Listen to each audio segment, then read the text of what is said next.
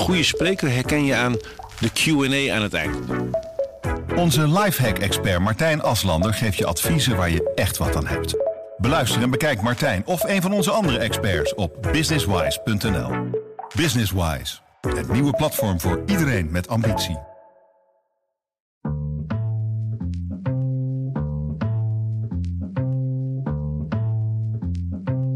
Het is een ongelooflijk wis- duur wisselgeld.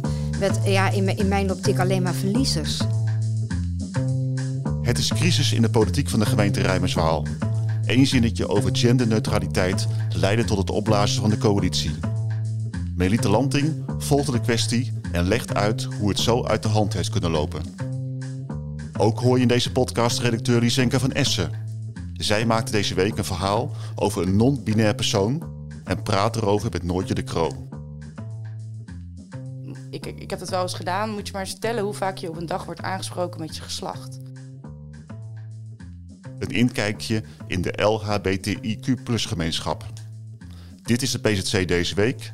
Mijn naam is Rolf Bosboom. Melita, eh Rijmerswaal leek na de recente verkiezingen weer een coalitie te krijgen van SGP, Leefbaar Rijmerswaal en PvdA. Toch is het helemaal misgelopen. Waardoor is het probleem nou eigenlijk ontstaan? Als je goed nadenkt, dan is het probleem eigenlijk ontstaan door één zin. En misschien zelfs wel gewoon door één woord. En eh, hoe bizar het ook klinkt, eh, dat is eigenlijk wat er aan de hand is. Ze hebben een heel coalitieakkoord opgesteld met allemaal plussen en minnen. En een beetje voor de SGP en een beetje voor de Partij van de Arbeid, een beetje voor Leefbaar Rijmerswaal. En daar is een zin in, eh, en dan zal ik dat even citeren. We gaan niet mee in de trend om alle inwoners genderneutraal te benaderen. Dat is wel een bijzondere zin. Wat, Ja. wat bedoelen ze ermee? Nou, dat, dat, dat is dus het probleem. Dat wordt verschillend uitgelegd. En dat is eigenlijk gewoon de kern van het, eh, van het eh, hele probleem. De wethouder eh, van de Partij van de Arbeid, Kees Verburg, die heeft mij nog net verteld van ja, nee, wij, wij doen gewoon alles wat we altijd al deden. We doen niks anders. We sturen gewoon een brief, geachte meneer of mevrouw. En als ze dat anders willen, wordt het aangepast. Dat was het beleid en eigenlijk is dat het beleid zoals het volgens hem in het coalitieakkoord staat. Maar deze kwestie, het is een gevoelig punt binnen de Partij van de Arbeid. En een van de raadsleden van de Partij van de Arbeid, Marjolein Sinke, is over deze zin gevallen. Want zij vindt dat dit niet thuis hoort in een akkoord waar de Partij van de Arbeid de handtekening onder zet. Want de Partij van de Arbeid staat natuurlijk eh, voor genderneutrale eh, benadering. En die wil dat mensen op een neutrale manier benaderd worden. Maar hoe ziet zij deze zin? Is het volgens haar discriminerend of worden hier mensen mee uitgesloten? Ja, zij vindt het discriminerend. Zij is bang dat deze zin veel te veel ruimte geeft voor interpretatie. Waardoor je misschien een, een geluid van, nou, wij doen aan deze, het- dit zijn dan mijn eigen woorden, flauwekul niet mee. En daar wil zij haar handtekening niet onder zetten. Maar jij denkt dat deze zin anders bedoeld is dan zij heeft opgevat. Ik vind het een hele lastige. Toen ik hem voor de eerste keer las, had ik niet zoiets van daar zit een driedubbele laag in. Maar ik snap wel dat mensen dat vinden. Ik begrijp wel dat mensen denken van, ho, wacht even. Maakt Rijmerswaal hier eh, eh, mee een stap terug? Wat, wat gebeurt er? Als je die zin eruit haalt, dan formuleer je het wat neutraler. Als er bij wijze van spreken deze zin, hè, we gaan niet mee in de trend om alle inwoners genderneutraal te benaderen. Als je die zin zou veranderen is, wij blijven onze inwoners benaderen zoals wij dat altijd al deden, dan zeg je in wezen hetzelfde, maar daarmee haal je wel het potentieel discriminerende gevoel eruit. Het zit ook een beetje in het woord trend, hè? Want dat geeft al aan van iets wat van voorbijgaande aard is en eigenlijk een beetje onzinnig is. Het woord trend heeft inderdaad een beetje een, eh, een, een lading. Het geeft een tijdelijkheid aan. Het geeft aan als dat is iets wat onze deur wel voorbij mag gaan. Dat is iets waar we niet aan mee hoeven doen.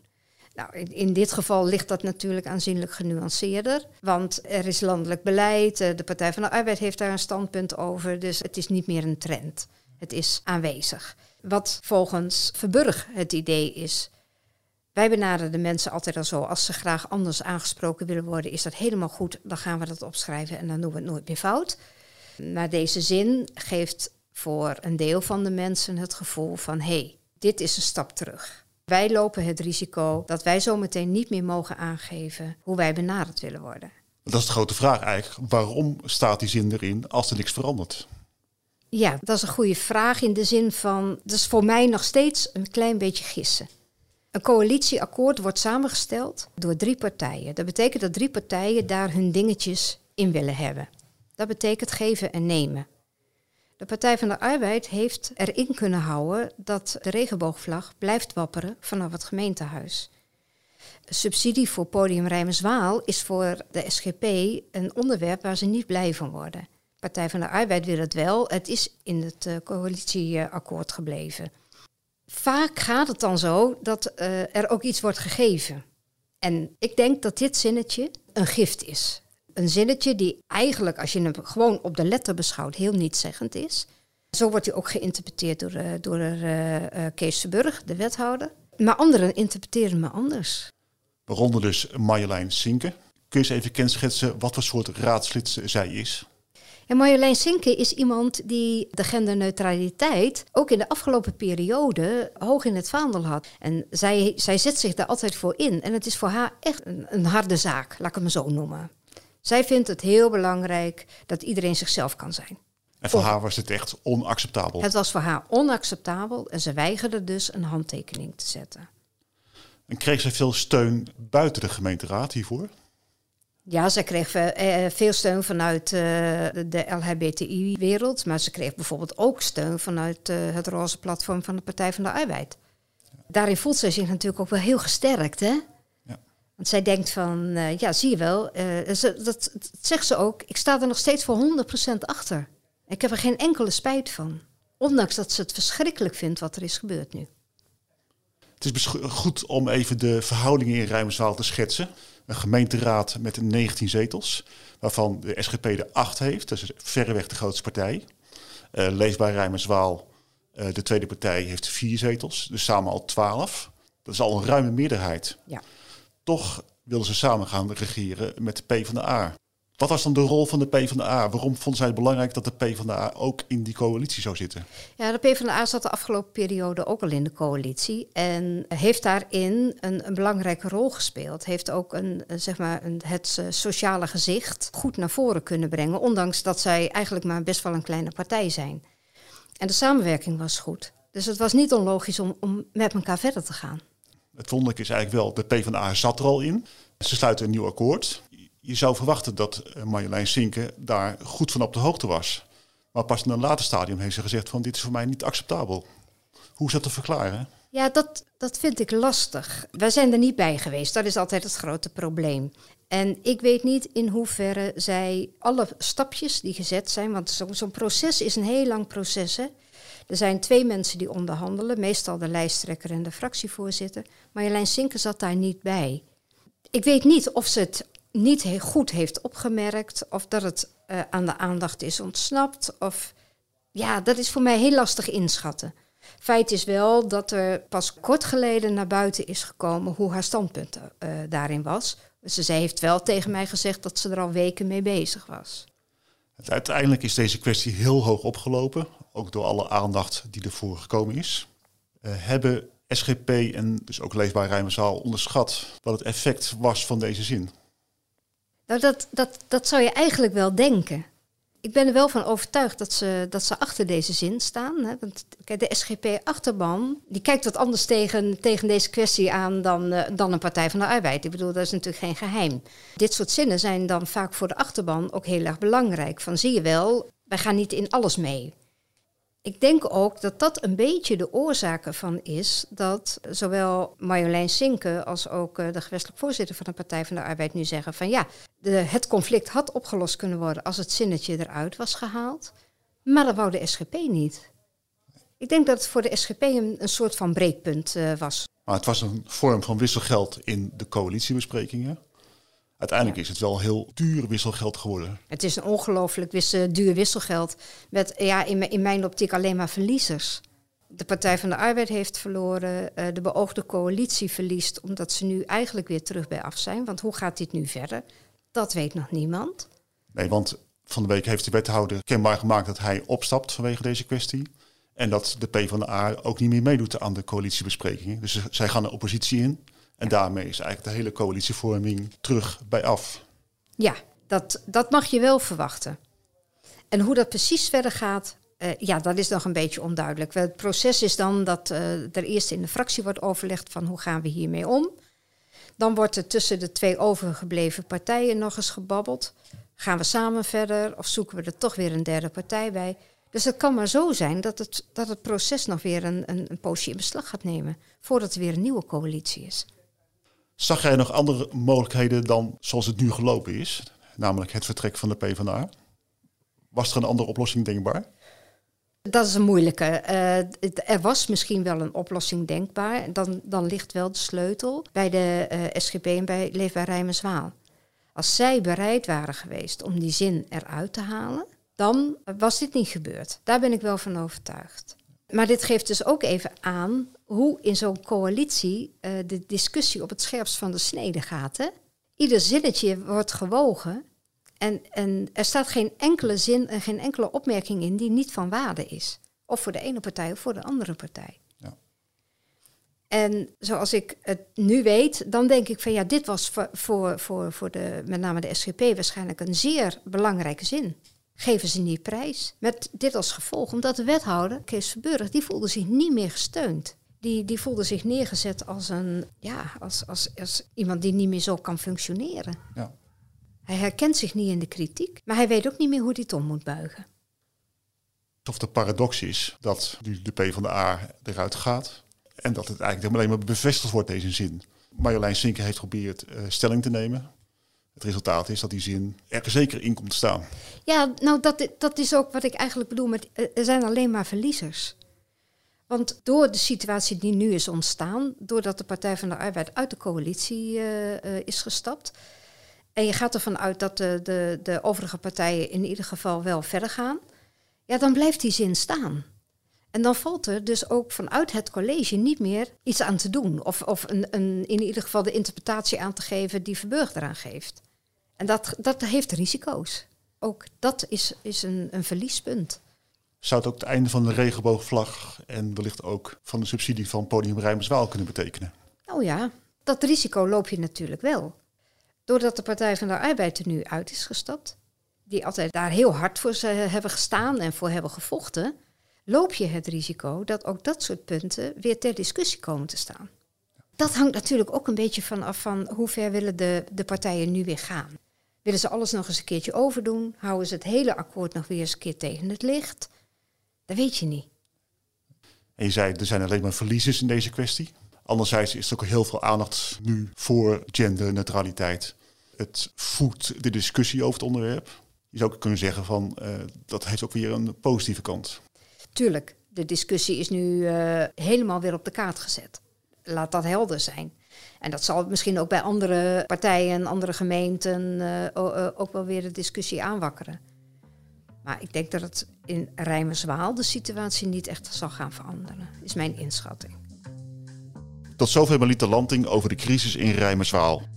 De genderkwestie werd vooral als beledigend en discriminerend gezien voor mensen die zich man nog vrouw voelen, ofwel non-binair zijn. Maar wat is dat precies? Lisenka maakt een verhaal met de non-binaire crow. Ze gaat erover in gesprek met Noortje. Lisenka, wat is het eigenlijk non-binair zijn? Mensen die zichzelf identificeren als non-binair, die voelen zich in het geval van Crow um, niet man en niet vrouw. Dat betekent niet dat je je in allebei helemaal niet kan vinden. Je kan je evenveel man als evenveel vrouw voelen. En uh, andere non-binaire, ja, die voelen zich gewoon echt ertussenin. Kan verschillende vormen hebben. Ja, iemand kan er ook best wel in onze ogen vrouwelijk uitzien, maar zich niet per se zo identificeren. Dus het is ook niet zo dat elke nominair er androgyn uitziet. Of geen make-up draagt of kleren draagt die voor zowel mannen als vrouwen kunnen. Nee, dat, dat kan je zelf helemaal invullen. Het gaat om het gevoel dat je erbij hebt. Niet zozeer om hoe je dat uitdraagt, maar echt om hoe jij je voelt. En als je er heel vrouwelijk uitziet, betekent het niet dat je je ook heel vrouwelijk voelt. Of andersom, mannelijk. Ja, jij sprak dus inderdaad de non-binaire crow. En die zegt het is geen trend, het is geen keuze. Wat is het wel? Het is een, een gevoel wat je van binnen hebt en waar je eigenlijk niet onderuit kan. Wat ook veel mensen vergeten is dat nominaire ook best wel vaak op onbegrip kunnen rekenen. Het, is voor veel mensen ook iets relatief nieuws. Dus ze begrijpen niet zo goed uh, wat dat dan is als je je niet man, niet vrouw voelt. Dus het is niet dat je denkt het is vandaag dinsdag en vandaag um, trek ik een spijkerbroek aan, dus ben ik iets meer mannelijk. Zo, zo werkt het niet. Het is echt een gevoel wat van binnen zit en echt, wat echt fundamenteel is. En waarom is het dan zo vervelend, zeg maar, als er staat beste mevrouw, als je je zo voelt? Omdat je je geen mevrouw voelt en ook geen man voelt. Kijk, vaak worden brieven bijvoorbeeld nog aangeduid met het um, geslacht waarmee je geboren bent. Tenzij je dit uh, hebt kunnen laten veranderen op je paspoort, maar er zitten kosten aan verbonden. Uh, aan een transitie um, om bijvoorbeeld nominair te worden. Het ondergaat niet iedereen, maar kunnen ook kosten aan verbonden zitten. Uh, dus die kosten lopen dan best wel heel erg op. En als iemand dan uh, vooral een, een, instantie waar je vaak toch wat van nodig hebt, jou eigenlijk met de verkeerde voornaamwoorden uitspreekt, kan dat ervoor zorgen dat je je minder serieus genomen voelt. Of het gevoel hebt dat jij jouw plekje niet waard bent of kan claimen binnen zo'n gemeente. Ik heb best wel wat vrienden in de community en ik maakte vroeger ook best wel veel fouten.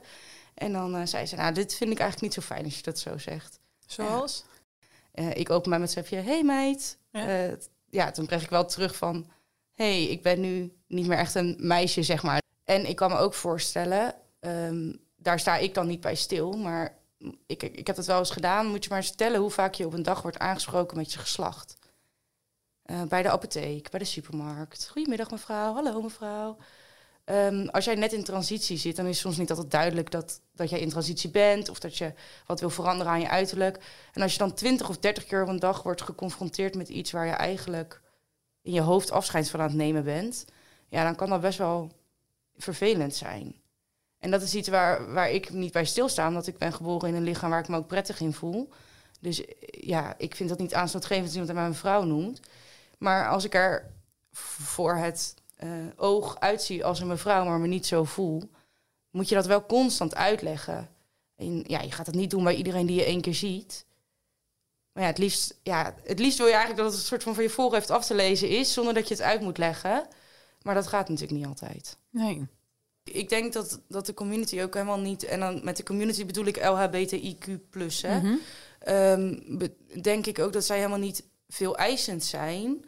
Het enige wat zij eigenlijk fijn zouden vinden, is als er van uitgegaan wordt, maar dat is natuurlijk een heel, hele grote gedachtegang hoor, maar dat er van, van uitgegaan wordt dat jij je leven zelf zo kan invullen als jij wil. Ik vraag me wel soms af, waarom is het dan zo nodig dat er een woord op zit, snap je? Dat er een stempel op zit. Ja. Uh, je hebt nu bepaalde paraplu-termen, zoals uh, non-binair valt eigenlijk binnen de transgender-term. Uh, maar je hebt dan ook weer non-binairen die zich nog man, nog vrouw voelen. Non-binairen die zich evenveel man als vrouw voelen. En ik denk dat als je het bij het grote publiek wat begrijpelijker wil maken, dat het soms ook wel fijn zou zijn als die paraplu-termen ietsjes duidelijker zijn, zeg ja. maar. Dus dat je misschien voor, ja, voor het grote publiek, voor mensen die niet heel erg in de community zitten, dat je wel iets makkelijker kan duiden. Uh, kijk, homoseksuelen en lesbiennes, dat, dat hebben we nu al aardig onder uh, de knie wat wat is. Maar uh, tussen panseksuele, aseksuele, uh, transgenders en non-binaire weten de meeste mensen het verschil niet. Nee, ja, ik ook niet, eerlijk gezegd. Snap je? Terwijl ik vind echt van alles, iedereen goed en prima. Doe maar. Maar... Ja, maar misschien is dat ook wel mooi. Dat je dus niet overal een label voor nodig hebt, maar dat je het soms echt helemaal in kan vullen zoals je zelf wil. Ja, dat zou fijn zijn als we daar naartoe gaan. Ja. Toch? Dat dat, dat gewoon kan. En als je overal een label plakt, lijkt het ook weer of of je dan anders bent of zo. Ja. Weet je wel? Zo van, ja, ik val in een van die lettertjes. Nu is het eigenlijk zo dat de norm is, je voelt je lekker in je lijf, je bent hetero. Als het anders is, dan moet je het maar zeggen. Uh, en eigenlijk zou idealiter, maar daar gaat natuurlijk jarenlang overheen. En het is een proces waar een hele maatschappij heel lang over doet. Maar idealiter zou het eigenlijk zo zijn dat je dus uh, ook eigenlijk als hetero uit de kast moet komen. Van joh, nou jongens, ik heb nu mijn eerste relatie en uh, ik ben erachter, nou ik ben hetero hoor. Ja. Maar dat zou het voor homoseksuelen wel veel makkelijker maken door te zeggen, nou, dat is mooi, ik heb ook mijn eerste relatie, maar bij mij is het een man.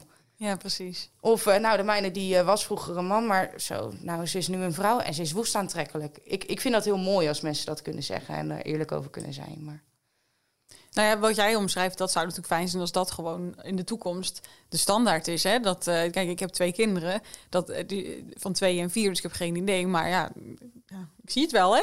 ja, Want op een gegeven moment, eh, wat het, waar ze mee komen, oké, val je op meisjes, val je op jongens, ja, maakt niet uit. Maar het zijn ook vaak kleine dingetjes hè, in de opvoeding. Ik ben heel erg vrij en open opgevoed. En mijn ouders zeiden vroeger altijd: als je later een vriendje of vriendinnetje hebt. Toen was non-binair nog niet echt iets wat speelde. Ehm, en toen ik bijvoorbeeld na meerdere eh, hetero-relaties mijn huidige vriend leerde kennen. Toen zei ik tegen mijn moeder: Oh, ik heb echt een heel leuk iemand ontmoet. En toen vroeg mijn moeder dus aan mij, terwijl ik dus al 21 was. En ja, eigenlijk voor iedereen een soort van hetero was, want ik had al meerdere relaties gehad. Vroeg mijn moeder: Is het een man of een vrouw? En toen zei ik: Nou, het is een man, maar ik vind het eigenlijk wel fijn dat je dat vraagt. Want mocht het nou een vrouw zijn, had ik me helemaal niet gegeneerd gevoeld of ook maar enige drempel gehad om te zeggen van, nou, ik heb nu een hele leuke vrouw ontmoet. En ik denk dat je dat ook altijd een beetje eh, open mag houden voor jezelf. Ik sluit niet uit dat ik op mijn vijftigste een waanzinnig leuke vrouw ontmoet. En dan heb ik tegen iedereen lopen roepen dat ik nooit met een vrouw ga. Dan moet ik haar zeker voorbij laten lopen. Nee, nee, nee. Nee, het gaat toch om wat je zelf, eh, om je eigen, het, het, is, het is van jou, hè? Ja, Toch? De rest van de wereld heeft daar eigenlijk niks mee te maken. nee, en het is ook iets wat, vind ik, door de jaren heen kan veranderen. Ja. Je kan nu heel stellig zijn van, oh, ik, ik kijk nu echt alleen naar mannen. Maar er kunnen ook bepaalde dingen in je leven gebeuren... waardoor je misschien een ander soort connectie met iemand zoekt. Mhm. En dat vind je dan misschien ook bij een ander persoon. Misschien Ja. wel met een ander geslacht. Dit was de PZC deze week. Lees de laatste stand van zaken in deze kwestie op pzc.nl. Wij zijn de volgende week weer met een nieuwe aflevering. Tot dan!